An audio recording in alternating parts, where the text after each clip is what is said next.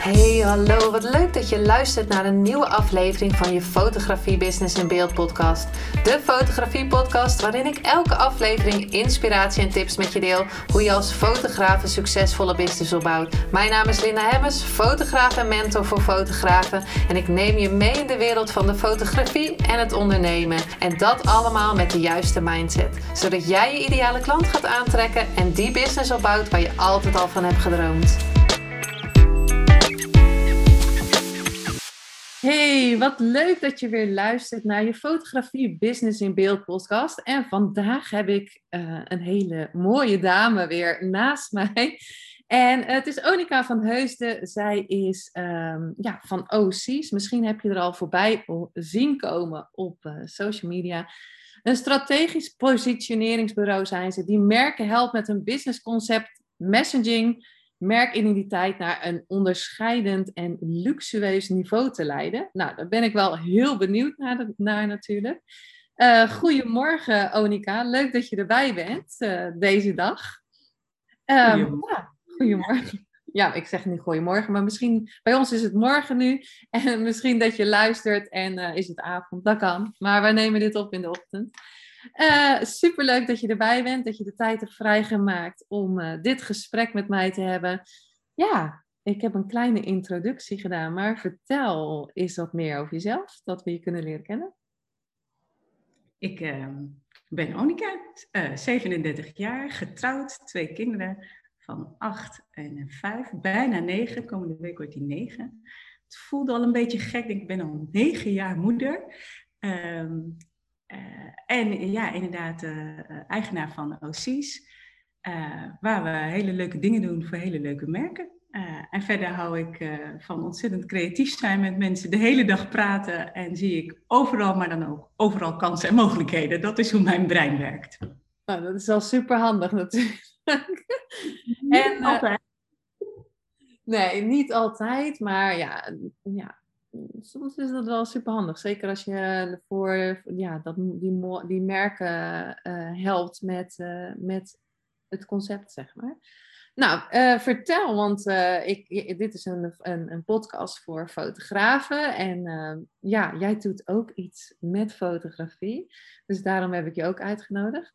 Maar vertel, wat is, wat is jouw specialisme? Ehm, en dan gaan we straks door hoe het allemaal begonnen is. Maar wat is precies jouw specialisme in de fotografie?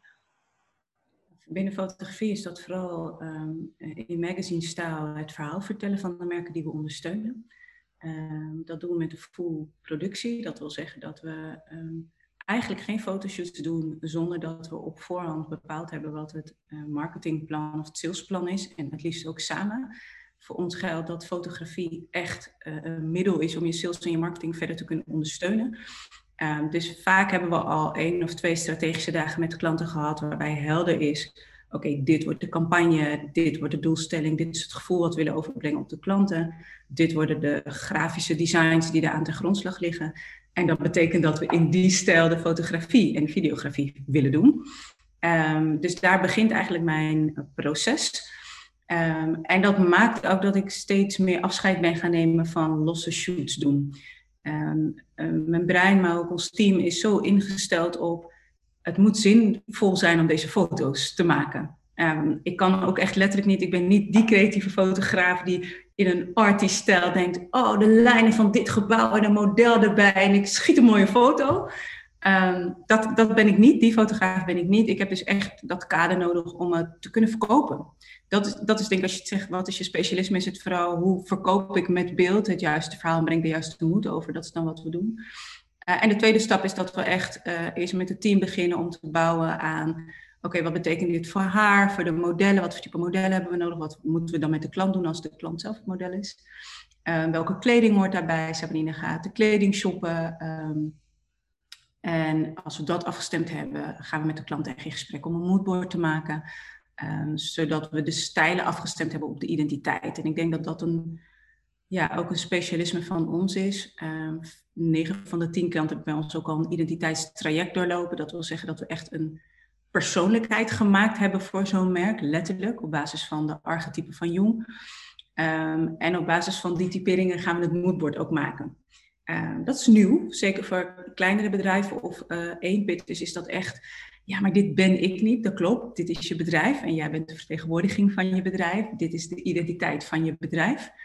En daar nemen we klanten echt in mee. Dus als we die moodboarding fase hebben gehad, nou, dan zijn we bijna drieënhalve week, vaak al vier of vijf weken verder. Voordat dan die luxe dag komt waar ze in de watten gelegd worden. En we met één, twee of soms zelfs met vijf man staan om eh, de modellen in shape te krijgen. De juiste locaties hebben uitgekozen of we in onze eigen studio eh, aan de slag gaan.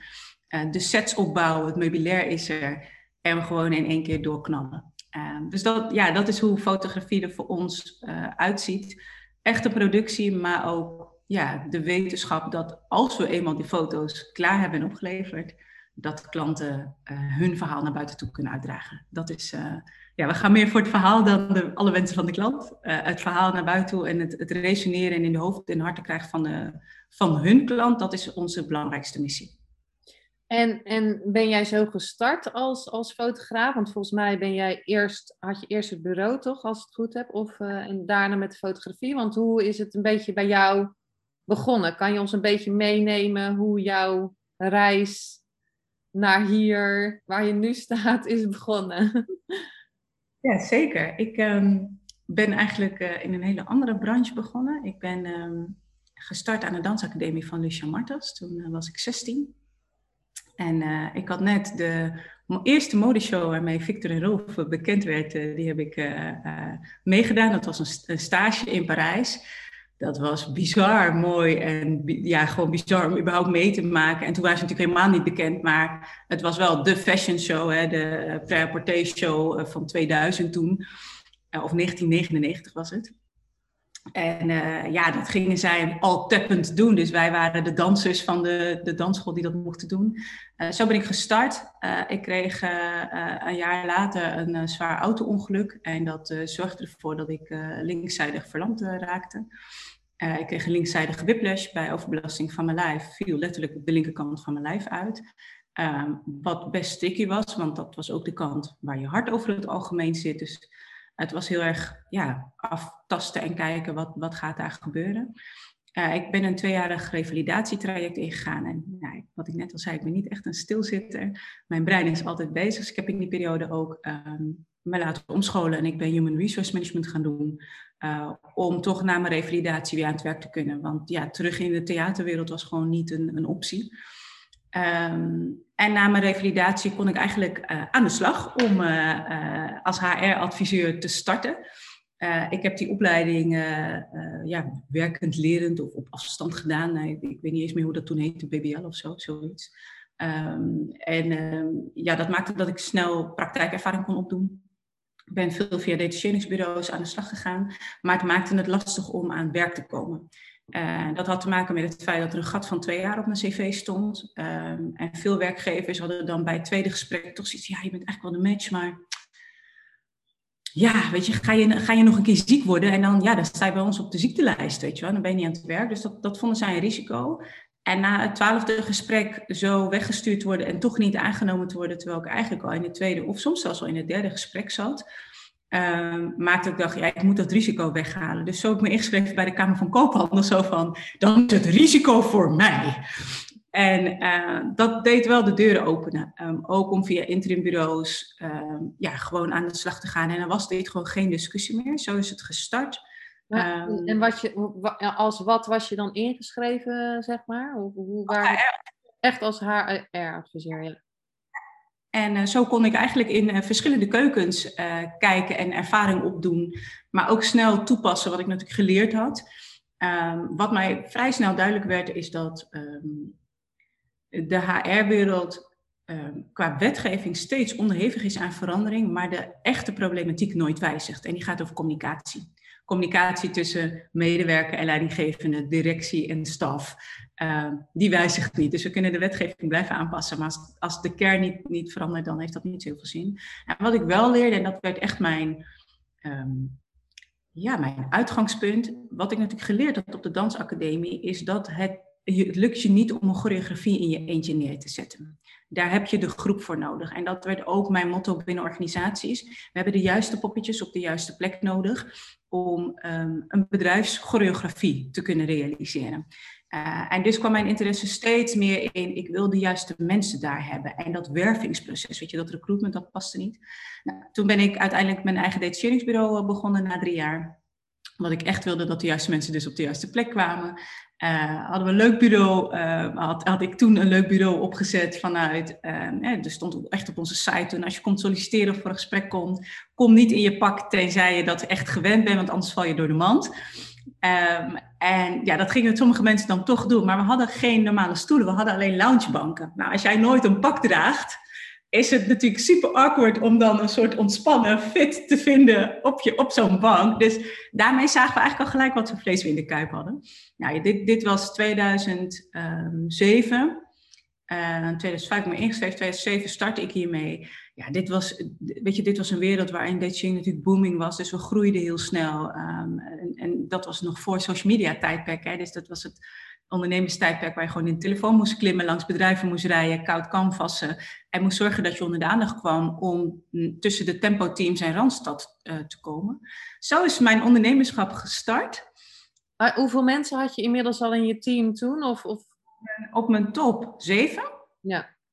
Um, en dat was het moment dat ik gebeld werd door een oud collega uit de reïntegratie. Van joh, ik ga een bedrijf starten um, met een compagnon. Uh, we gaan personeel aannemen. Uh, ik heb jou nodig, want jij, jij, kan, jij kan praten met mensen. Uh, dus toen ben ik daar ingestapt. dat was net het moment nadat we eigenlijk een grote opdracht binnen zouden halen bij de gemeente Veenendaal. Waarbij we echt met wethouders al om tafel hadden gezeten en een grote detacheringsklus eigenlijk konden doen. En op het laatste moment ging dat echt aan mijn neus voorbij. en dat bracht ons best wel in de financiële problemen. Dus dit was een goed moment om dat netjes af te sluiten en de overstap te maken uh, naar hun en bij hun in het bedrijf te starten. Was leuk, want ik was een vertaler tussen hen als compagnons um, en, en hun personeel. Maar zij zaten echt in de reintegratie. Dus ze werkten voor UWV Amsterdam en Haarlem. Um, ik zorgde ervoor dat de IT klopte, dat de systemen ingericht waren, dat we een, een, een gevoel naar buiten toe konden overbrengen. Dus ik was toen eigenlijk al bezig met merken opbouwen. Uh, hoe zorgen we voor beleving? Hoe zorgen we ervoor dat we mensen hier uitnodigen? Dat het anders is dan anders in de cadeautjes. Dat was toen allemaal nog onbewust, maar het zat wel al in mijn DNA. Um, na anderhalf jaar ging zij uit elkaar, maar had ik in die tijd uh, het, het arbo, mijn arbodienst opgezet. En toen ze uit elkaar gingen, had ik net een grote klant binnengehaald. Dus die heb ik meegenomen en ik ben apart gestart. Um, en dat heb ik tot 2015, uh, heb ik die arbodienst gedraaid. Mm. En, uh, dat was mooi, want er was een nieuwe stijl arbodienstverlening, waarbij we vooral gericht waren op zorgen dat we managers in de kraag konden vatten um, en we gewoon op locatie waren. En de arbeidsdienst is over het algemeen, wordt die na een week of zes een keer ingeschakeld. Uh, en wij waren de arbeidsdienst in huis uh, vanuit dat model. Nou, in 2015 vierde ik mijn tienjarig jubileum, tien jaar ondernemerschap. En was voor mij ook de realisatie, dus door het zien van de mensen die daar aanwezig waren, mijn team op dat moment, uh, mijn familie, alle klanten die in de afgelopen paar jaar, zowel vanuit die detachering als dat andere bureau, voorbij zijn gekomen. En ik heb die avond daar gestaan en gedacht, ik ben klaar hier. Ik, ik, ik, dit, dit stuk van die wereld is, is, is klaar en over. Ik wil hiermee stoppen, dat heb ik ook als zodanig aangekondigd. En ik heb 2016 gebruikt om te, ja, eigenlijk letterlijk te herbepalen, wat wil ik nu doen? Dit is succesvol, dit is leuk, maar dit is niet meer wat ik wil doen uh, vonden heel veel mensen in mijn omgeving echt wel lastig. Want um, in loondienst is men gewend dat je na vijf jaar of twee jaar, als je geen zin meer hebt in die baan, een andere baan gaat zoeken. Maar hoezo geef jij alle vaste opdrachten en omzet op om iets anders te gaan doen? Dat, is helemaal, dat was helemaal weird en nieuw. Ook voor mijn man bijvoorbeeld. Uh, maar ja, ik heb dat wel zo uitgelegd. Ook ik raak een keer boord en ik wil iets anders. Ik werd al veel door mijn netwerk al gevraagd: van, zou met ons mee willen kijken? We willen een campagne doen. En eigenlijk ben ik er zo ingerold. Ik heb in dat jaar uh, een opleiding aan uh, de hand gedaan, um, marketing communicatie. Uh, om ook het fundament zeg maar te hebben. Dat ik het kon was al duidelijk, maar ik wilde ook het kunnen staven. Um, en in 2016 is OC's opgericht en ben ik bedrijven gaan helpen met het bedenken van goede campagnes. Hoe stuur je nu een marketingteam goed aan, zodat je creatief kunt blijven denken. Het begon eigenlijk met allemaal workshops en trainingen, onder andere bij de Rabobank. Dat was echt een van de eerste klanten die ik aantrok. Uh, met de workshop uh, concept denken, concept doen. Uh, omdat die manager van die afdeling toen zei, ja, ik heb hier een team van vijf mensen. die moeten de Rabobank vooruit helpen. Maar ze hebben geen idee hoe ze creatief moeten zijn en in concepten moeten denken. En daar had ik een formule voor gemaakt. Zo begon um, OC's. Uh, en dat ben ik steeds verder gaan uitwerken. Wat zie ik gebeuren bij klanten? Wat hebben ze nodig? Eigenlijk moeten ze aan de hand genomen worden. Um, eigenlijk is het belangrijk dat ze eerst weten wat is het businessmodel. Is dat überhaupt levensvatbaar? Voordat je natuurlijk naar buiten kan met je publiek. Um, dus zo ben ik dat gaan ontwikkelen. En in 2019 uh, had ik een grote klant die in Arnhem is nog steeds klant bij ons. En eigenlijk, het is gewoon een hele leuke meid, een nagelsalon hier, uh, ontzettend gegroeid, onder andere doordat wij ze hebben bijgestaan. Um, en aan, aan het einde van de eerste opdracht zei ik, ik vind het zo tof om een, uh, om een portretserie van jou te maken. Je hebt zo'n goede koppen voor. Um, en dat heb ik gedaan. En dat ben ik voor steeds meer mensen gaan doen, maar zakelijk gezien. Dus gewoon omdat ik het leuk vond, dacht ik, dat ga ik doen. Ik fotografeer al van jongs af aan. Mijn vader is altijd helemaal wild geweest van camera's. Waar we ook waren, had hij een camera op zak. En ik vond het fascinerend dat hij de hele tijd met die camera op zat. Uh, maar wat mij vooral aansprak in die, in die tijd dat ik er gewoon als hobby mee bezig was, uh, was het door de lens een andere wereld te kunnen zien letterlijk zonder een soort afleiding, zonder dat degene die in de lens kijkt met mij bezig is, vast te kunnen leggen wat ik zie.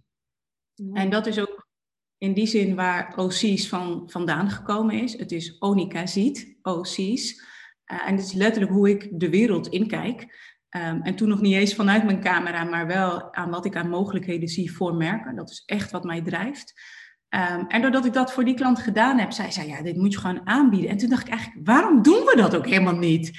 Dus heel stom, al die klanten hebben met social media beeld nodig. Waarom leveren we dat eigenlijk helemaal niet? Uh, en zo hebben we fotografie toegevoegd. Maar ik wilde wel dat, het, um, dat de onderscheid lag tussen de hobbyfotograaf en iemand die het erbij deed en het business aspect. Hmm. Um, toen we fotografie gingen introduceren, deden we dat eerst voor de particulier echt die experience van luxe en durf jezelf te verwennen. Dat was voor mij een model wat niet paste, niet matchte. En dat, dat komt enerzijds omdat ik echt ook een zakelijke blik heb. Die zakelijke blik heb ik ook als ik privé bezig ben. Um, ik beredeneer graag, hoe, kan dit voor een ondernemer? Hoe werkt het? Hoe ziet het eruit? En ik merkte toch met het model wat we toen hanteerden, dat klanten het heel lastig vonden om die prijsstructuur te snappen. Die was natuurlijk deels ook gebaseerd op het, systeem zoals jij dat ook kent van Subrise. Uh, je, hebt een, uh, je betaalt een fee op voorhand voor de shoot zelf. Hè, ik veel, dat was toen 350 euro of zo voor de make-up en de shoot. En je koopt je foto's los. Um, maar wat die particuliere klant deed, was heel vaak dan wel naar die shoot komen, maar gewoon geen foto's afnemen. Waardoor we natuurlijk in die end niks verdienden. Hmm. Uh, en dat stond zo haaks op mijn gevoel van rechtvaardigheid sowieso en integriteit. Uh, maar ook gewoon, ik haalde er geen voldoening uit, omdat ik dacht, jij hebt een halve dag bij ons letterlijk in de watten gelegen. Weet je, er zijn echt klanten geweest die cadeautjes nog na afloop hebben toegestuurd, wat jullie daar gedaan hebben. En dan toch tijdens een review niks afnamen, waarbij ik dan denk, maar waarom ben je dan die fotoshoot komen doen, weet je, als je dat niet hebt, hebt volgenomen. Um, en er was één kantelpunt voor mij, dat heeft echt gemaakt dat ik er direct een streep onder getrokken heb.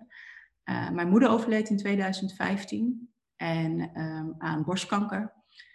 En in, um, ik moet het even goed zeggen, in 2000, ja, ik denk 2018, in dat jaar dat we begonnen, deed ik een campagne gericht op Pink Ribbon. Volgens mij kan ik me dat nog wel herinneren, want ja, dat je die, uh, die serie had, toch? Ja, ja. Het was een campagne waarbij we um, zoveel mogelijk mensen wilden, hun verhaal wilden horen. En we zouden uh, drie mensen uitkiezen die we zouden vastleggen. En die we die serie cadeau zouden geven. Dat was natuurlijk een hele mooie manier voor exposure creëren, leads creëren, zorgen dat mensen zich zouden opgeven. En ook een doelgroep die ik het gunde, gewoon gebaseerd op het verhaal van mijn moeder, uh, om ze vast te leggen. Mijn moeder is altijd een vrouw geweest die, ondanks haar negen jaar ziek zijn en chemokuren, moeite bleef doen om zichzelf mooi te vinden. Uh, ze was ook voor dat ze kanker had. Altijd een vrouw met een hoed op, uh, uitgesproken gezicht, kleurrijk. Uh, en op de dagen dat ze zich het slechtst voelde, kleedde ze zich het mooist. En dat gevoel en die experience wilde ik heel graag deze vrouwen meegeven. Kijk, mijn ouders zijn van origine Surinaams. We hebben een andere kijk um, op kleding en verzorging dan in de Nederlandse cultuur. Um, en dat gevoel wat mijn moeder mij heeft meegegeven, mijn zus heeft meegegeven, dat wilde ik heel graag deze vrouw een, een dag meegeven. Nou, we kregen zoveel reacties dat het eigenlijk, het voelde, ik voelde me gewoon bezwaard om maar, maar drie mensen uit te kiezen. Dus hebben we uiteindelijk gezegd, we gaan er 25 weggeven. Want ik kon gewoon niet kiezen uit, die, ja, uit de hoeveelheid verhalen. Het was zo mooi. En er zat één groep tussen uh, van dames. Uh, er reageerde één dame en die zei, ja, ik kom elke maandag bij de fysiotherapiepraktijk. En daar hebben we een soort clubje van vrouwen. Uh, als we dit doen, wil ik die groep vrouwen dit cadeau geven. Want we hebben elkaar gevonden omdat we allemaal een vorm van kanker hebben. De ene had een hersentumor, de ander had huidkanker, die had weer borstkanker. Ze hadden allemaal vormen, maar elke maandag kwamen ze bij elkaar. En toen dacht ik, ja, we gaan die dames uh, de dag van hun leven geven. Nou, ik zat toen in een pand in, uh, in Druten. En, echt een hele mooie villa met een oprijlaan. Dus alleen al de oprijlaan was een beleving op zich voor iedereen die aankwam. En dat was voor hun gewoon echt heel mooi om te doen. Dus we hadden die dag zes visagie en, en, en, en hairstylist geregeld. Um, dus ik had nog een aantal extra mensen ingehuurd naast mijn eigen team. Die mensen hebben echt de dag van hun leven gehad. Met een lunch op en aan. En voor hun review van de foto's um, had ik um, hun hele familie uitgenodigd. Dus ze mochten familie meenemen om het over die experience te hebben. Ik denk dat we in totaal die dag met 60 mensen waren in een ruimte. Waar we de videopresentatie gedaan hebben. En ze, net zo, ik heb echt twee videocalls met die mensen toen gedaan al, om uit te leggen hoe het werkte. Jullie kunnen daarna je foto's uitkiezen. Dit is de prijzenlijst, dit is wat het kost. En die hebben daar met 60 man gezeten en er heeft niemand iets gekocht. En ook echt daar gezeten zo van, nee, nee, nee, ja, we vinden het eigenlijk niet betaalbaar. Nee, het was echt een hele mooie experience maar bedankt. En ik zie mezelf nog zitten aan het einde van die dag met het gehuurde meubilair wat weer opgehaald moest worden, dat ik echt dacht, potverdorie zeg hij, hoe kan het dat er ook een bepaalde mate van ondankbaarheid, want zo voelde het vooral voor mij. Ik deed het natuurlijk vanuit een stukje kwetsbaarheid. Het verhaal van mijn moeder heb ik verteld. Daar gingen ze allemaal, resoneerden ze allemaal mee. Wat goed dat je dit dan doet. Maar dat ook de gunfactor er niet in zat. En gunfactor is voor mij een van mijn belangrijkste kernwaarden. Uh, dat was voor mij echt de omslag om te zeggen, ik ga niet meer voor de particulier werken, want die snapt deze waarde niet, niet op de manier zoals ik hem wil brengen. Uh, en ik heb echt de deur daar die dag achter me dichtgetrokken en gezegd, hier stopt het nu. Uh, en toen zijn we fotografie alleen nog maar gaan inzetten voor de zakelijke dienstverlening. Dat is ehm, het ehm, fotografieverhaal. Ja, want ik weet niet wanneer wij dan, oh, ik, ik, weet eigenlijk niet in welk jaartal ik jou dan heb ontmoet. Want toen kwam ik bij jou in, in de studio. Nou, toen was je echt volgens mij echt net begonnen of zo. In welke studio ben jij geweest? Ja. Ja. ja. Was dat niet met die workshop? Dat was een workshop, ja. Ja, dat was, dat was in die villa. Ja. Want dat is de plek waar ik die workshop gegeven heb. Ja. Ja, ja dat is echt al hartstikke lang geleden. Ja, ik, ik weet het ook niet meer. En toen zaten we net daar. Was een anti-kraken ja. Ja, het was echt, maar ja, het was, ja, jij bent er geweest, het was echt een fantastische locatie. Ik weet ook niet meer welk jaar het is, moet ik even opzoeken, Linda. Nee, dat weet nee maar ik weet toen dat je inderdaad, eh, toen was je nog uh, die particuliere bezig en toen had je inderdaad die, uh, die shoot van die dames. Ja, wat, wat natuurlijk super mooi idee was. Maar ja, als dat inderdaad niet werkt, dan. Uh... Oh, gezondheid. Oh. Nou, en, um, en, en dus nu ben je meer op merken, um, ben je meer gaan focussen. En, en, want je hebt een heel team nu uh, weer uh, waar je mee werkt. Want je werkt altijd met visagie en styling, volgens mij, toch? Altijd visagie en styling um, en make-up uh, artists. We hebben vier make-up artists en, en visagie. En we hebben twee dames die de kleding verzorgen, die styling doen. Um, en we hebben ook echt nog een flexibele schil van mensen die we kunnen invliegen als we meer mensen nodig hebben. Maar het vaste team voor de fotografie bestaat daaruit. En we zijn in totaal bestaat OCS nu uit 16 mensen. Um, we hebben drie webdevelopers um, die echt de bouw doen. We hebben vier grafische mensen en twee office managers die, die ondersteunen. Uh, dus daar bestaat het team nu uit. En uh, we hebben nog een advertising dame die Facebook en Google advertising doet. En we hebben nog twee event dames. Dus dat bij elkaar is het hele OC's team. Oh, en, en uh, jij doet alleen de fotografie of... Nee, mijn, hoofd, mijn hoofdrol ehm, is vooral het strategisch uh, uitdenken met de bedrijven. Dus ik ben echt gericht op wat ga je met je business doen en wat wordt het merkverhaal naar buiten toe. Um, en een stukje identiteit, karakter maken. We hebben echt een, uh, een identiteitstest um, gemaakt met uh, de Universiteit Harvard in, in Amerika. Om merken eigenlijk tijdens zo'n sessie er, ja, te herleiden welke identiteit het beste past bij hun bedrijf. Dat is een psychologische test. Dat zetten we om naar merkpaspoort. Daar eindigt mijn um, inzet en expertise. Um, en dan gaat het door naar de grafische dames en ben, blijf ik het aanspreekpunt voor de klant en zorg ik ervoor dat het goed aangestuurd wordt. Dus ik ben wel de aanspreekpunten en de projectmanager zeg maar, voor de klant, maar dat zijn die dames net zo goed. Um, en als we weer bij fotografie en videografie komen, dan uh, pak ik het op. Videografie wordt overigens door Peggy gedaan en door Jeroen gedaan. Uh, maar ik maak wel het script. Ik ben op die draaidagen aanwezig. En voor de fotografie, dat is ook weer mijn pakje aan. Dus we hebben echt allemaal een rol daarbinnen. Um, en ik denk ook dat het goed is. Op het moment dat je wil groeien in je bedrijf, uh, moet je durven erkennen waar je goed in bent. Um, en uh, openstaan voor het, het, aanleveren van kennis door anderen. Um, ik, ik, denk dat heel veel ondernemers dit lastig vinden in groei. Ik kan het het beste.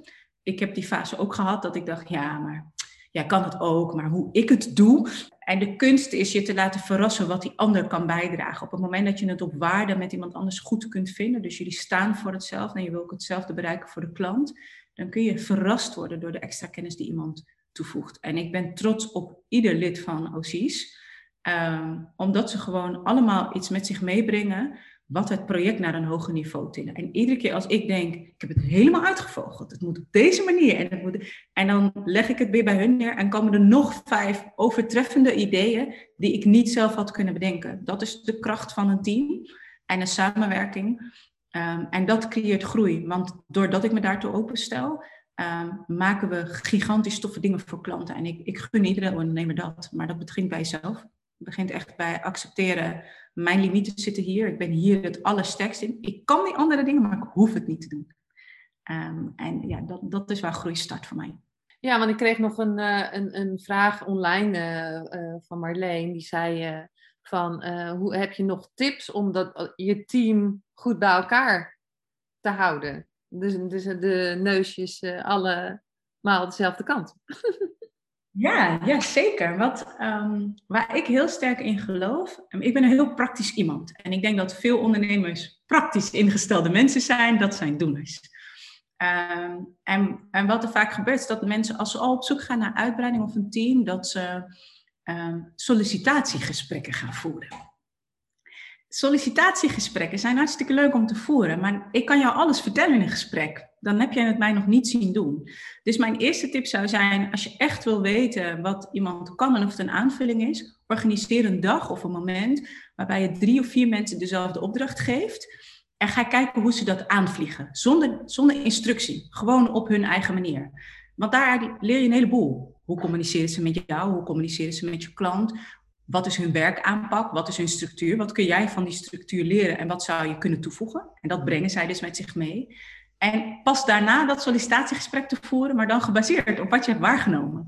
Want op basis daarvan kun je gaan toetsen met elkaar. Matcht jouw werkwijze, de manier waarop je dingen doet, de manier waarop je het aflevert, de kwaliteitsstandaard die voor jou belangrijk is, matcht die ook bij hoe zij willen werken. Um, dat heb ik met ieder teamlid gedaan. We hebben dat net weer gedaan, want we hebben net een nieuwe grafisch designer aangenomen. En de manier waarop we dat doen is, we hebben nu een opdracht liggen van een klant. Jij gaat drie logo's maken. Wij ook. We leveren onze klant dus zes logo's aan, maar wel met het verhaal. We hebben een nieuwe grafisch designer, dus we leveren je iets meer aan dan normaal.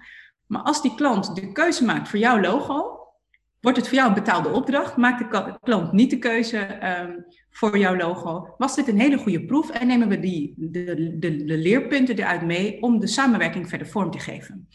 Dat geeft mij heel veel gelegenheid om te zien hoe iemand omgaat met dat proces. De lat ligt hoog, hè? dus iemand moet presteren onder druk en die druk is hier altijd. Um, maar ik leer ook kennen hoe ver zijn zij bereid om te gaan voor een klant. Want dat zijn elementen die voor ons heel belangrijk zijn. Als zij dat zou, gedaan zou hebben vanuit ik ga gewoon randomly iets van het internet plukken en kijken hoe ze ermee omgaan, want ik weet niet of het een betaalde opdracht is. Dan heeft ze gewoon niet de juiste inborst voor mij om mee te werken. Uh, in tegenstelling daartoe heeft ze echt vier immens toffe concepten aangeleverd. En is die klant nu echt helemaal overdonderd. Oh my god, ze zijn alle vier goed. Weet je wel, wat moet ik nu doen? Ehm, en dat maakt voor mij dat ik een goede, uh, goede keuze gemaakt heb voor deze dame. Omdat ze snapt hoe we werken. Ze kan voldoende diversiteit bieden. Ze heeft in drie dagen geleverd, wat al een kunst is op zich. Om dan zoveel variëteit te creëren. Ehm, en dat maakt dat iemand waardig zo'n periode um, ingaat, maar, maar zich ook kan bewijzen.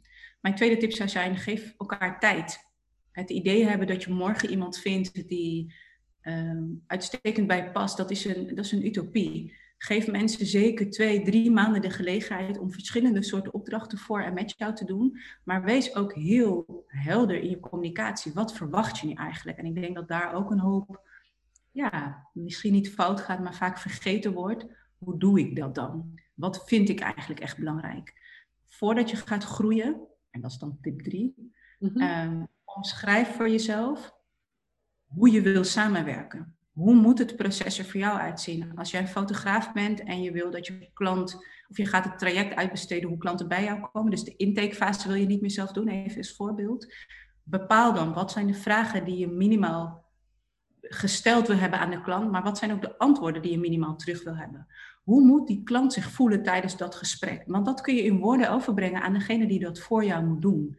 Doe het een paar keer voor, maar ga er ook een paar keer bij zitten, zodat je die, die persoon kunt aangeven. Weet je, in dat gesprek toen die klant dit zei, onze manier om daarop in te spelen zou zijn dit of dit of dat. Je moet het wel begeleiden. Uh, maar je moet in datzelfde moment ook openstaan voor wat brengt die ander met zich mee. Wat ook heel waardevol is en wat je zou kunnen toevoegen wat jij niet hebt.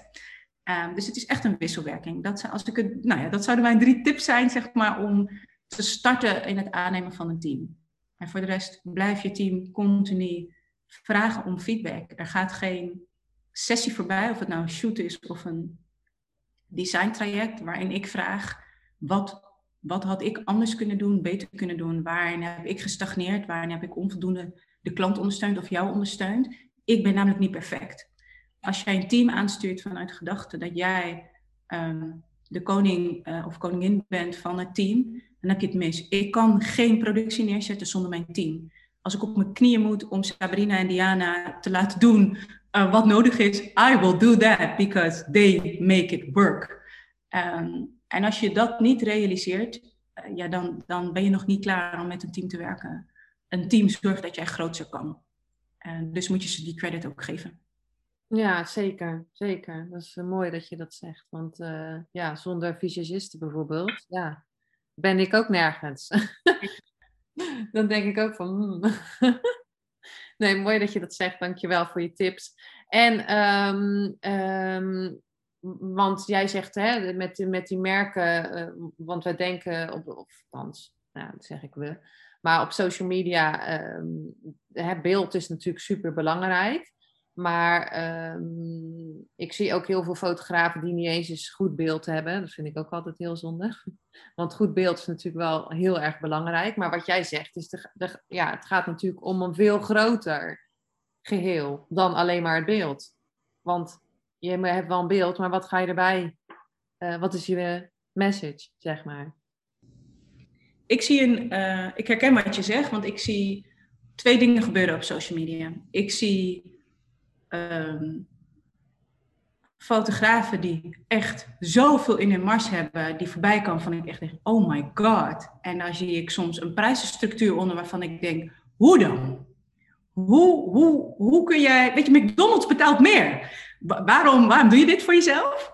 Um, en ik zie soms fotografen voorbij komen die een heel gedegen proces hebben. Als het zo staat op papier, we maken een moodboard en ik wil jouw identiteit naar voren toe brengen waarvan de foto's dan niet scherp zijn. Of waar uh, de afwerking gewoon niet oké is. Of waar ik van denk, die wallen, die ziet iedereen, weet je. Het, het leuke van fotografie, zeker als het voor bedrijven is, is dat die mensen er dan ook echt flawless uitzien. En ik geloof helemaal in authenticiteit en puur en uniek zijn. Maar het doel van jezelf in de etalage zetten, en dat is als het gaat om zakelijke fotografie, wat van belang is, um, dan wil je de beste versie van jezelf laten zien. Ehm, dat is wat een etalage doet. En ik vergelijk dat altijd met de Albert Heijn. Niemand zou bij Albert Heijn winkelen als we eerst door de kantine zouden moeten van waar die 16-jarigen zijn. Want dan shop je nooit meer bij Albert Heijn. Uh, ja, maar snap je? Dat is ook zo voor je bedrijf. Natuurlijk kan het zijn dat je een keer een video opneemt, s ochtends vroeg, of dat dat bij je merk past en dat je, weet je, authentiek bent en puur en no make-up aan, no judgments hier. Hè? Maar als het gaat om fotografie, denk ik dat, je, dat fotografen een nog, groter, um, een nog grotere verantwoordelijkheid mogen oppakken om die klant te faciliteren. En hoewel ze roepen, we, we maken de foto's helemaal in jouw brandverhaal, um, is, is er denk ik maar 10% van fotografen die echt ook misschien een marketingachtergrond heeft, die snapt wat branding überhaupt is, um, maar het wel als zodanig verkoopt. Um, en dat, dat vind ik lastig, want dat vertroebelt enerzijds de markt, maar dus ook het, de beleving van de klant. Wat kan ik uiteindelijk met die beelden? Jij vertelde voorafgaand dat jij bijvoorbeeld 20 of 30 foto's levert van klant. Nou, dat doen wij ook. Uh, we hebben 25, 50 of 80 foto's en 80 is echt voor grote producties. Dan, dan, hè, dat is niet gewoon een standaard beeldbank voor iemand. Maar dat vinden mensen al heel veel. Want wat moet ik in hemelsnaam met 80 foto's? En hoe vaak ga ik plaatsen dat ik dan tegen die boom sta, of dat kopje koffie drink, of achter mijn toetsenbord zit? Mensen hebben niet zoveel beeld nodig. Ik geloof dat we als fotografen nog veel meer kunnen educaten over hoe je één foto op meerdere manieren kunt gebruiken. Um, een goede foto van iemand die op een keukenrand zit uh, met zijn notitieboekje. Pak even de business coach foto, um, die niet heel erg in close-up is.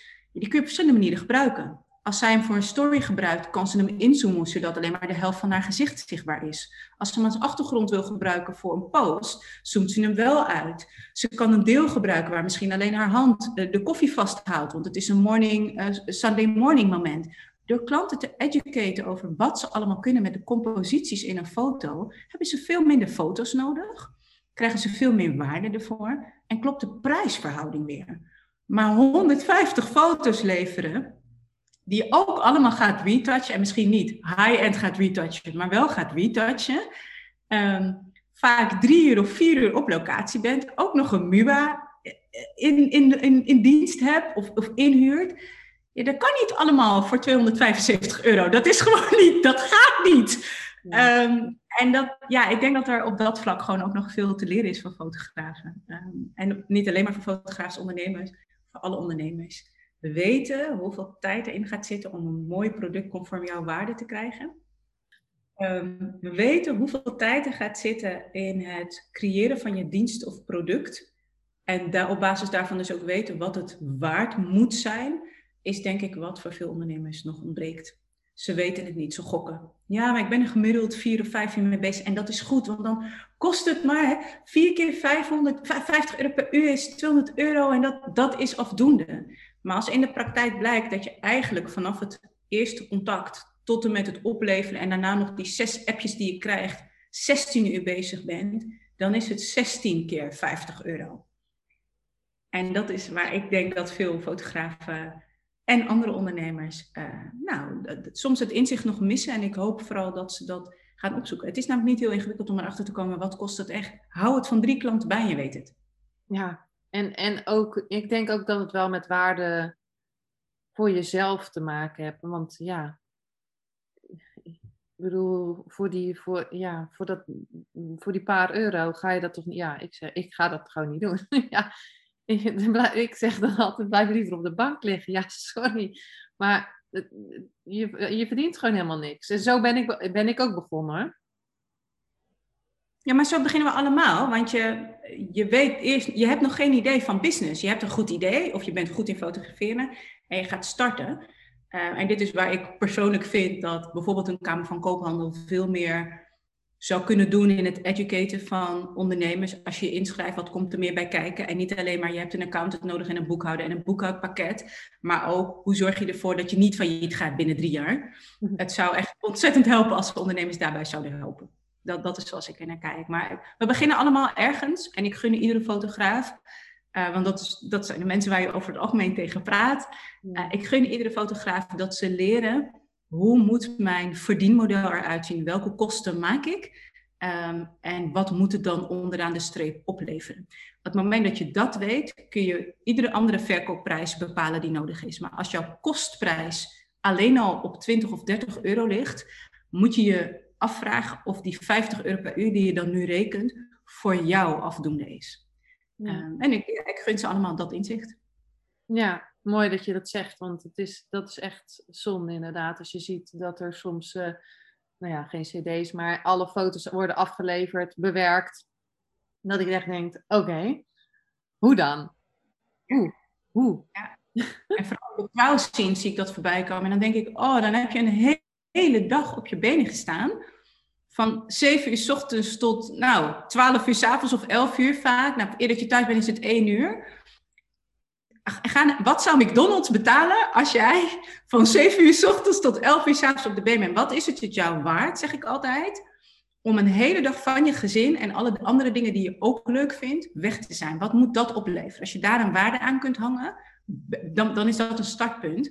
Maar daarna ben je als wedding photographer nog zeker drie dagen bezig om een selectie te maken welke foto's je überhaupt aan die klant wil geven ga je er filters overheen gooien als je net begonnen bent. Dus dan ben je nog niet e-, eens bezig met bewerken. Ehm, als je een, een, een iets ervarener uh, trouwfotograaf bent, dan bewerk je die foto's wel. Dan ben je in plaats van drie dagen misschien wel twee weken bezig om het goed af te krijgen. En dan leveren ze vaak ook nog een album. Maar zo'n album, daar moet je over nadenken. Dat is iets grafisch. Je wil dat het er goed uitziet. Die klant heeft vragen. Ik wil dit nog anders. Je gaat ze omzetten naar zwart-wit. Je kunt zomaar naast die ene dag bijna drie of vier weken aan werk hebben. Ja, als jij dat dan afrekent voor 5,95, als jij bijna een hele maand gewerkt hebt, dat staat niet in verhouding. En ik hoop, ook met het horen van dit, maar ja, jij en ik het nu over hebben, dat een aantal fotografen weer bewust wordt van, hé, hey, ik moet inderdaad iets aanpassen, want ik ben meer waard dan dit. Ehm, we zijn namelijk als mensen gewoon meer waard dan dit. En als je dit soort tarieven voor jezelf blijft hanteren, doe je vooral jezelf tekort, maar heel stiekem ook alle andere fotografen in de markt. Um, die moeten opboksen tegen de klant die geen kennis heeft op, de, op dit stuk, die geen idee heeft hoeveel tijd in gaat zitten, die geen idee heeft wat een camera kost en wat verlichting kost en die SD-kaartjes kosten en drie camera's met je meezeulen. Maar die heeft het idee dat dat wel kan voor 500 euro. Dus ja, wees je er ook van bewust dat als je dat doet, um, dat je, het, dat je de, het hoofd van jouw klant vertroebelt, maar daarmee het hoofd van alle klanten in de wereld vertroebelt. En het lastiger maakt voor andere fotografen om goed en kwalitatief werk af te leveren met plezier. Ja, nou mooi dat je dat zegt. Want bij mij, want ik, ja, ja, je begint als fotograaf en je, en je denkt, ja, je hoort inderdaad, ik heb een website nodig, ik heb een accountant nodig. En uh, nou ja, ook nog social media dan, hè? ook nog dat. Maar wat ik ook uiteindelijk ben gaan doen, is skills in verkopen. Hoe doe ik een verkoopgesprek? Wat gebeurt er in mij als ik een verkoopgesprek heb? Want als ik uh, roep uh, eh, 1500 euro of, of, of 2000 euro voor een shoot en ik doe dat met een bibberstem, ja, dan denkt die ander van nou, uh, ik weet het niet hoor, maar weet je dat van zeker. Dus ik heb echt mijn skills voor verkopen ook um, daar ben ik naar gaan kijken. En, het echt gaan ownen. Dit is, dit is wat ik waard ben. Ik denk heel goed en ik denk dat dat voor veel mensen um, geldt. Ehm, er, is een soort taboe en angst op sales. Ik wil niet te verkoperig overkomen. En uh, hoe, hoe vertel ik het goed? waar we het net over hadden, als je weet waar die prijs vandaan komt, dus stel dat het die 2000 euro is, maar als jij weet dat dat bestaat uit mijn visagie kost 400 euro en de stylist 300 euro en ik ook nog, weet je, dan wordt het makkelijker om het überhaupt te noemen. Daar zie ik echt ondernemers in groeien qua zelfvertrouwen. Op het moment dat ze snappen, oh ja, maar ik kan het niet voor minder doen, ja, dan wordt het een stuk gemakkelijker om, om toe te lichten. Zo'n klant aan mij vraagt, ja, jullie shoots beginnen vanaf 3500 euro. En dan zeg ik, ja, jij vindt Diana en Jeanette goed, hè? maar Jeanette geeft les aan Balmain Hair um, in Amsterdam. Zij kost 450 euro als ik een halve dag inzet. En voor ieder uur dat ze langer blijft, kost dat meer. Diana, idem. Sabrina kost 600 euro per dagdeel. Uh, als ze langer blijft, kost dat meer geld. Dan heb ik nog niks gedaan. Um, dus ik ben al 1000 euro verder. Dan heb jij nog niet gegeten, dan heb jij nog niet gedronken, dan heb ik jou nog niet een moodboard gemaakt Op het moment dat je een klant daardoorheen kunt meenemen, heeft niemand meer discussie met jou over waarom het duur is. Ehm, en, en dat geeft meer zelfvertrouwen. En dan die sales skills waar jij het over hebt. Het weten ehm, wat sales eigenlijk is, helpt enorm. En helpt mensen denken dat dat een trucje is, dat sales een truc is. Ehm, ik zie sales als advies geven, als educaten. ik heb nog nooit een klant overtuigd. Nog nooit. Een klant overtuigt namelijk alleen zichzelf. Als hij mijn verhaal gehoord heeft, gehoord heeft hoe ik hem misschien al op weg geholpen heb, en hij vindt niet dat hij daar gebruik van hoeft te maken, dan zijn we even goede vrienden. Nee, ontvangen is namelijk een belangrijk onderdeel van sales. Er gaan namelijk heel veel mensen nee zeggen. Nee, dit heb ik niet nodig. Maar wat sales denk ik het meest uh, succesvol maakt, is de vraag stellen, wil jij hiermee geholpen worden? En dat stukje is wat heel veel mensen vergeten of het nou fotografen zijn of andere ondernemers, we vergeten vaak de vraag te stellen: heb jij dit, wat ik net allemaal verteld heb, nodig? Wil jij dit? Op het moment dat die klant ja zegt, hoef je niks meer te verkopen. Dan zeg je, nou, dan kost dit. Zullen we een datum plannen? Dat is letterlijk hoe ieder telefoongesprek dat ik voer eindigt. Uh, nou, we hebben nu een uur met elkaar gesproken. Ik heb je waarschijnlijk al honderd tips gegeven over wat je morgen kunt doen, want dat is gewoon hoe mijn brein werkt. Maar wil jij deze stappen zetten en wil je begeleid worden om dat goed te doen? Ja, ja, dat wil ik echt. Nou, dat is goed. Dat kost 5000 euro. Ik heb volgende week drie dagen in mijn agenda vrij. Wanneer kan je? Ik heb nog nooit anders sales gedaan dan dat. Die, als die klant zichzelf tijdens het gesprek overtuigd heeft dat het van waarde is, hoef jij alleen nog maar de checkvraag te stellen. En ja, ingewikkelder dan dat wil ik sales eigenlijk niet maken. Maar het vergeten te vragen wil je dit? Mag ik je helpen? Heb je hier behoefte aan? Je kunt op honderd verschillende manieren niet salesy overkomen, maar wel heel to the point zijn en weten waar je aan toe bent. Um, en dat gun ik heel veel ondernemers. Ja, maar ik, ik, ja, ik zie het ook gewoon niet als salesy of zo. Of iemand iets door zijn strot duwen, uh, om het zo maar even te zeggen. Want wat, hoe ik het zie, als ik met iemand in gesprek ga, dan ga ik, ook, ga ik ook echt kijken met wie ga ik praten. En ik zie de ander. Dus wat jij zegt, nee is ook een antwoord. Dus dan is het ook oké. Nou, vaak begint het gesprek pas bij de nee. En als je alleen maar ja's krijgt, dan moet je ook kijken naar je prijs. Daar gaat ook iets niet goed. Maar um, je help, ik, ik, ik help de ander. En ik, zo zie ik het ook. Mijn fotografie, met mijn fotografie help ik de ander. En niet iets van, oh, ik steek dit door je strot en, en je moet er zoveel voor betalen. Nee, ik wil graag dat ze ook met die foto's ook echt die klanten gaan aantrekken. En het is, voor, ja, voor mij is het echt helpen. Ik heb een skill en ik help jou daarmee. Op het moment dat je het zo kan zien, vind ik echt mooi dat je dat omschrijft, Linda. Want als het gaat om fotografie, en ik denk dat we dat uh, als fotograaf echt als spray hebben op alle andere ondernemersgroepen die er bestaan.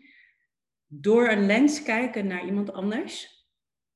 Ehm, dat kun jij alleen maar op je eigen manier. En, en dat maakt je uniek. Dus het is letterlijk hoe jij die foto maakt en die persoon spiegelt, wat het uniek maakt. Als het spiegelbeeld die klant niet bevalt, is het niet jouw klant. Um, ik heb dit ehm, eh, vaak getest hè, ook met andere fotografen. Maar ik heb een hele poos met uh, Christel eh, van Herpen in, in de studio gezeten. We hebben haar studio gedeeld een poosje. Um, we hebben een paar keer shoot gedaan samen. Dus we fotograferen hetzelfde. Maar zij ziet hele andere dingen door de lens als die ik zie door de lens. En dat, dat we echt de camera's naast elkaar hebben. Nou, maar echt, dat standpunt wat jij genomen hebt, weet je, ik zag dat niet. En ik zou dat nooit zo op die manier kunnen. Zij had dat heel sterk met uh, hoe noem je dat? Die, um, um, die, die en um, gewoon sfeerbeeld van een bureautje met een vaasje en een dingetje. Nou, weet je, ik zei van, ja, ik snap echt niet, ik, ik zie dit niet. En dat had, had ik weer als zij een portret schoot en een, een blik ving waarvan ik dacht, wanneer keek die persoon zo? Dat heb ik helemaal niet gezien, weet je wel. Waarom is dat anders bij jou? We, we zijn uniek in de manier waarop we door onze lens kijken. Dat is letterlijk onze unique selling point. Als je met een klant in gesprek bent en je werk laat zien en ze aangetrokken zijn tot de manier waarop jij ze wil spiegelen, uh, dan heb je ze al gewonnen. Dat is ons talent. Mm. En jij verkoopt dus niks. Jij verkoopt ze. Wil jij jezelf in de spiegel kunnen aankijken en kunnen zien wie jij bent, want ik zie jou. Als het antwoord daarop nee is, dan wil je toch gewoon door naar de volgende, hoe knap ze ook zijn. ja, door. Want er zijn andere die het wel willen. Ja, dus ik, ja, ik denk dat, het, dat je, ja, ik vind het mooi om het echt zo te zien. Want, en, en zeker met alles, alles wat verkoop is, weet je, ja, denk niet dat het iets door je strot duwen is. Want ik ga niemand, jij moet per se bij mij kopen en ik moet, oh, ik ga, oh ja, ik ga je lekker 2000, 3000 euro aftroggelen. Nee, maar hoewel ik dat eerste heb ik wel al vaak gedaan. Oh. Jij moet mij op de foto, ik wil jou vastleggen. Ja, dat is waar. Dus jij komt. Sowieso, dus niet om de handenbaar. Jij komt. Dat maakt overigens wel dat als ik dat doe, dat die klant ook echt komt. En ja, maar als ik jouw foto's gezien heb, oh, dat wil ik wel. Precies, dus jij moet op de foto. Ehm, en, maar dat is ook, het moment dat ik dat wil, ben ik echt overtuigd van dat ik een heel tof concept kan maken. Maar dan geef ik ook iets. Weet je, visagie is on me. Maar die foto's, ja, die ga jij gebruiken. Je, gaat ze niet voor mij maken. Dus dit is wat het kost. Are you up for it? Maar dan is het mijn enthousiasme. Dan is het, en dan hebben ze het beeld al gezien. En als ze op de site komen. Oh, jouw foto's. Ik had gisteren een netwerkcontact. En die zei, ja, ik ga echt over twee maanden, Annika, als ik dit afgerond heb. ik kijk iedere dag een keer door jouw portfolio op die site, jongen. Hoe jij die foto's maakt en hoe het eruit ziet. Dit is precies wat ik voor me zie. Over twee maanden. Over twee maanden, dan ben ik uit de druk, dan ga ik het doen. En dan zeg ik, ja, dat is goed. Maar we kunnen die datum alvast prikken. Als je het echt wil, kunnen we die datum gaan prikken. Dus wat, wat, wat weerhoudt je dan? Nee, gelijk ook. Dus gisteren heeft hij hem geprikt. Maar denk ik, mensen weten wat ze willen als ze naar je werk kijken. Dus vertrouw erop dat als ze jou eenmaal bellen, of ze geven een signaal af, ik heb behoefte of interesse, vertel ze waarom jij het belangrijk vindt om met je camera mensen te spiegelen. Want dat is alles wat ze nodig hebben om ja te zeggen. Ja, en zeker als ze al ehm, ik geloof ook als iemand al om informatie vraagt, dan is dat al een, een, een koopmotief. Hè? Dus, dus dan willen ze al wat van je. Dan hebben ze, hebben ze mijn beeld gezien. Uh, ja, iedereen heeft een eigen, eh, eigen stijl. Hè? Jij hebt een eigen stijl, ik heb een eigen stijl. En iemand kiest voor een stijl. De, het is ook oké als iemand uh, gewoon misschien iets meer donkere foto's wil of zo. Dat, dat is gewoon de stijl. En dat, dat is ook oké hoef ook niet uh, eh, 50 klanten in de week, want anders dan word ik gek. Ja, ik denk ook niet dat dat goed is voor geen enkele fotograaf. Maar, en als er nu fotografen luisteren die wel 50 klanten per week hebben, je moet drastisch iets veranderen in je business. Nu, acuut. En zeker als die 50 klanten allemaal ja zeggen, dan ben je te goedkoop. Dan gaat echt iets niet goed. Nee. Nou, nee, ja, en, en um, want je bent nu al, wat ben je dan nu al 15? 16 jaar. 16 jaar bezig. Super. Ja. ja. In mei bestonden we 16 jaar, 25 mei 16 jaar. En daar is ook de rebranding uitgekomen. Dus dat gaan we lanceren binnenkort.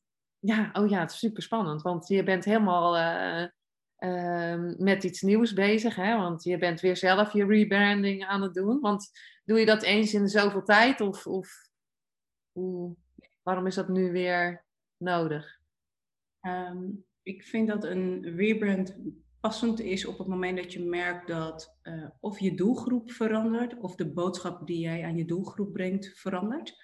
Dat is overigens ook het enige moment dat een rebranding echt nodig is.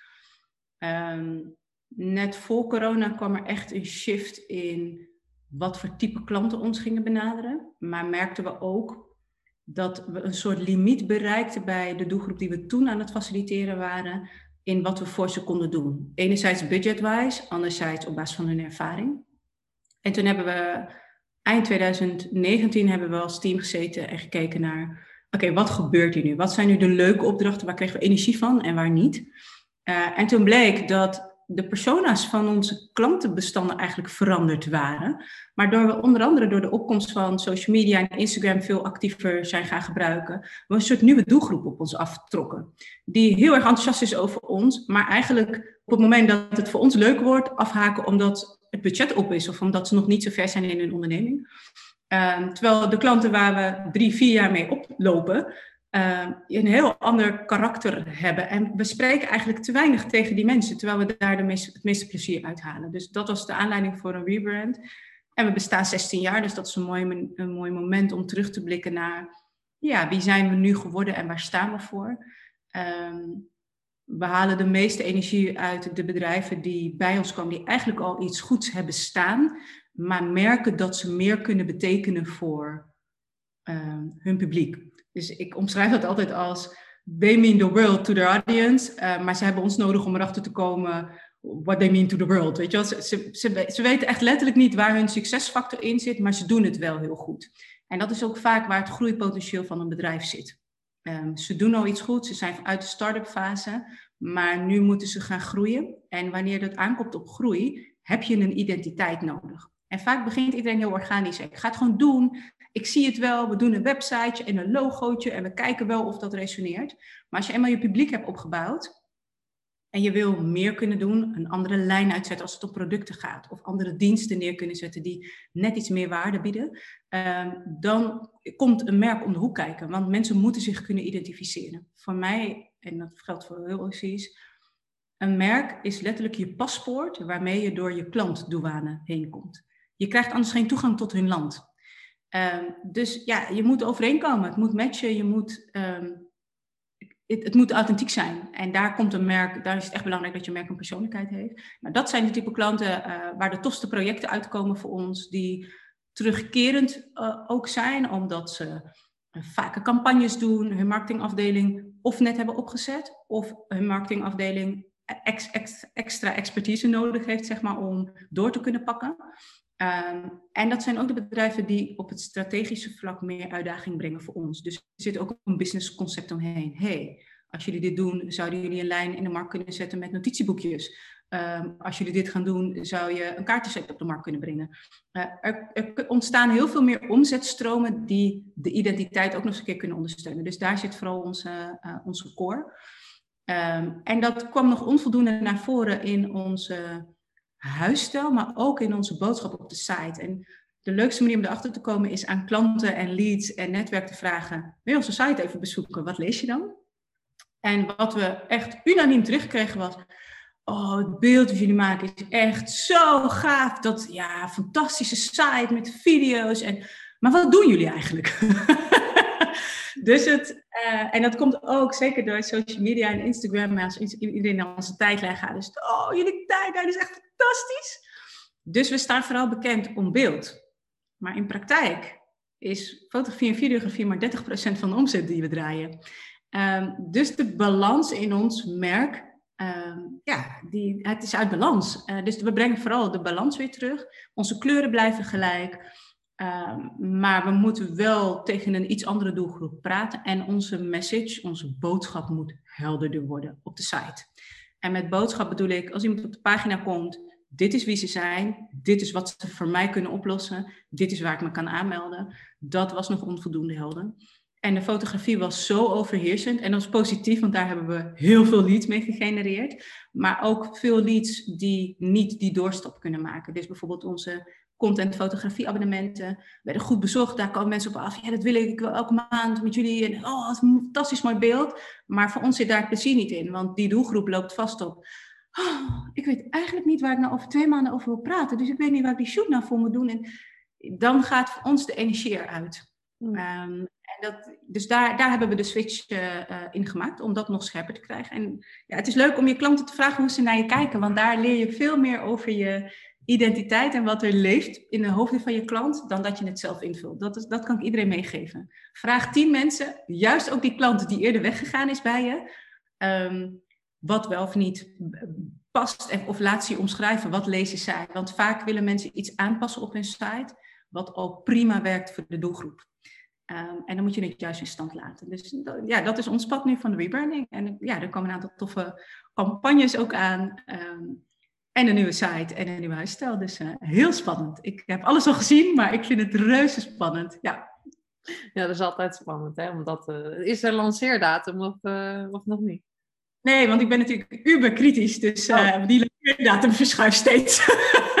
We hadden eigenlijk op 1 juni al willen lanceren. Um, Nee, maar we zijn nog niet klaar. Ik wil het wel voor de zomer lanceren. Dus wordt echt voor de zomervakantie uh, zijn we live. Dat kan ook niet anders, want we zijn al langzaamaan um, wat um, het een en ander aan het verspreiden in het land. Dus het, ja, het, het, wordt echt wel een landelijke campagne ook. En dat maakt het, uh, dat maakt het extra spannend.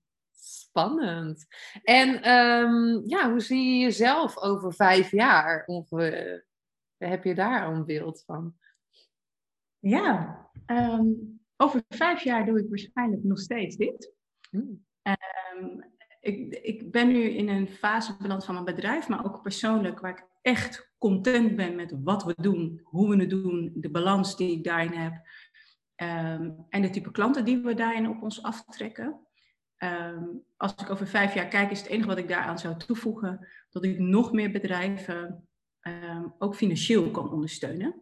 Dat is echt een, een, een, een ja, een wens, een, een toekomstbeeld. Ik kom heel veel toffe concepten tegen. Waarbij we natuurlijk vanuit die positionering mee kunnen helpen en ondersteunen. Maar waar ik ook nog heel graag als ambassadeur zou willen fungeren voor die merken. Uh, dit is een vraag die echt heel veel door klanten gesteld wordt. Eigenlijk door bijna alle klanten. En het is, is het meer uitzondering als het niet gebeurt. Maar van, oh, de manier waarop je mijn merk uitlegt en hoe je ons product snapt. En zou je niet in het bedrijf willen stappen? Dat is ook wat we beloven. Op het moment dat iemand met ons een, een partnerschap eigenlijk aangaat, want dat is het. We gaan het vaak van een aantal jaren aan. Ehm, ja, dan, dan zeg ik, ik, jouw bedrijf wordt deels van mij. Um, ik ga jou wijzen op besluiten die genomen moeten worden ten goede van je bedrijf. Niet op basis van jij voelt, maar op basis van wat, wat je bedrijf moet doen of zou moeten doen. Dus zo voelt het ook vaak. Maar ik kan daar nog niet altijd op schakelen en handelen, omdat ik natuurlijk ook gewoon nog veel in de praktijk zit. En dat wilde ik ook graag aanhouden. Over vijf jaar zou ik graag zien dat ik nou, vijf of zes partijen heb waar ik misschien wel letterlijk onderdeel ben van het bedrijf, maar waar ik mijn netwerk kan inzetten om het bedrijf groter te worden, laten worden, om ehm, ehm, ja, met ze mee te kunnen blijven denken op strategisch vlak. En echt op die manier, uh, en ook financieel, uh, te kunnen investeren om ze verder vooruit te helpen. Uh, dat zou ik graag willen. Um, en dan heb ik twee panden die ik ondervuur aan allemaal creatieve voor events en fotografielocaties waar ze naartoe kunnen. Dat over vijf jaar. Met nu een vijf. mooi, mooi toekomstbeeld. En um, ja, als laatste, is, is, er iets wat je nog um, kan meegeven aan iedereen uh, die luistert? Jeetje, ik heb het gevoel dat ik heel veel heb meegegeven. We hebben al heel veel meegegeven, dus ik denk, nou, om het af te sluiten. ja. Ga op zoek naar, um, ga, ga op zoek naar waar je echt blij van wordt. En in je bedrijf. Als dat is die foto's maken, maar niet die klant, met die klant verbinden. Zorg dat je iemand vindt die dat uber goed kan doen, zodat jij goede foto's kunt blijven maken. Is het dat je heel blij wordt van de retouching en het afwerken? Ga je mensen zoeken die de rest kunnen doen. Ondernemen is keihard werken. Ook als je heel veel geld verdient, is het keihard werken. Uh, maar, maar vind een purpose in iets anders dan. Weet je? Ga het zoeken in hoe je toegevoegde waarde kan bieden voor je klanten. Foto's maken is maar, is maar het tipje van de ijsberg. Er is zoveel meer wat je kan doen op het moment dat je mensen gespiegeld hebt. En ga ontdekken waar meerwaarde in ligt voor jou, zodat je die waarde ook kunt brengen aan je klanten. Ehm, en durf, durf van andere mensen gebruik te maken om beter en meer waarde te bieden. Dat, alleen is maar alleen. En ik weet dat heel veel mensen het heel spannend vinden om andere mensen in te huren en in te zetten. Want hoe financier ik dat dan? Maar om te kunnen groeien moet je eerst weten wat je nu verdient en wat je zou moeten verdienen. Ehm, en die eerste stap zetten. En ik garandeer je, als je morgen wel die VA inhuurt, als je morgen wel die make-up artist inhuurt of die stylist inhuurt, en transparant bent over wat je nodig hebt, hoe het eruit moet zien voor de komende drie maanden om je op, op te laten starten, dan gaat het je lukken. Ehm, dat is wat ik kan meegeven. Ieder bedrijf kan groeien als jij durft om die vraag te stellen. Ik heb jou nu nodig om te kunnen groeien. Kunnen we de afspraak maken dat ik deze maand niet 500 euro betaal, maar 150 euro betaal voor de komende drie maanden? Dat kan ik je garanderen en daarna gaan we knallen. Ehm, want dan koop je jezelf vrij. En dat gun ik iedere fotograaf, maar dat gun ik ook iedere ondernemer die wil groeien. Super mooi ja, ik denk echt een super, ja, ik denk echt een super mooie les. Uh, als einde van deze aflevering. Ik wil je bedanken voor je tijd, voor je mooie verhaal, voor je tips. Want je hebt echt super, super veel gedeeld. Ik denk dat het een hele waardevolle aflevering is geworden. Dankjewel uh, dat je erbij was uh, vandaag. En uh, nou, kijk allemaal even, oh, even nog een laatste vraag. Want waar kunnen ze jou vinden? Want dat is natuurlijk wel even belangrijk. Ja, ocies.nl en op OC's op Instagram kun je ons vinden. We zijn ook op LinkedIn. daar gaat de komende tijd een heleboel op onze bedrijfspagina gebeuren. Dus als je een LinkedIn-dame of persoon bent, kun je ons daar vinden. En er komt binnenkort iets aan van video en podcasting, maar niet doorvertellen. Spannend. Nou, dus uh, ben je benieuwd naar de beelden van Onika? Ga zeker uh, kijken. Ga naar haar Instagram. Uh, en ja, heb je een nieuwe. ben je merk en heb je een nieuwe positionering nodig? Dan kunnen ze naar de website. Uh, dankjewel voor, voor vandaag. En ehm, ja, dankjewel voor het luisteren ook. En uh, tot de volgende aflevering.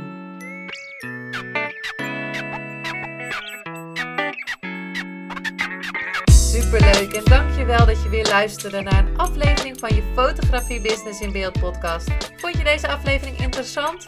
Maak dan een screenshot, ga naar je Instagram, plaats het in je story of feed en vertel wat je van deze aflevering vond. Zo inspireer jij weer anderen. En vergeet mij vooral niet te taggen, want ik vind het super leuk om te zien wie er luistert. En wil je mijn volgende afleveringen niet missen? Ga dan naar de podcast-app waar je nu mee luistert en klik op volgen, subscribe of abonneer. En je ontvangt automatisch een berichtje als er een nieuwe podcast-aflevering online staat. En als aller allerlaatste zou je mij nog een plezier willen doen. Ik zou het namelijk super fijn vinden als je een review achter wil laten. Hoe meer reviews, hoe beter de podcast gevonden wordt. En op deze manier kan ik fotografen bereiken en inspireren. Dit kan je doen door naar iTunes te gaan. Zoek daar de Fotografie Business in Beeld podcast. Klik op beoordelingen en recensies, het aantal sterren aan en laat een korte review achter. Super bedankt voor je review en nogmaals bedankt voor het luisteren en tot de volgende keer.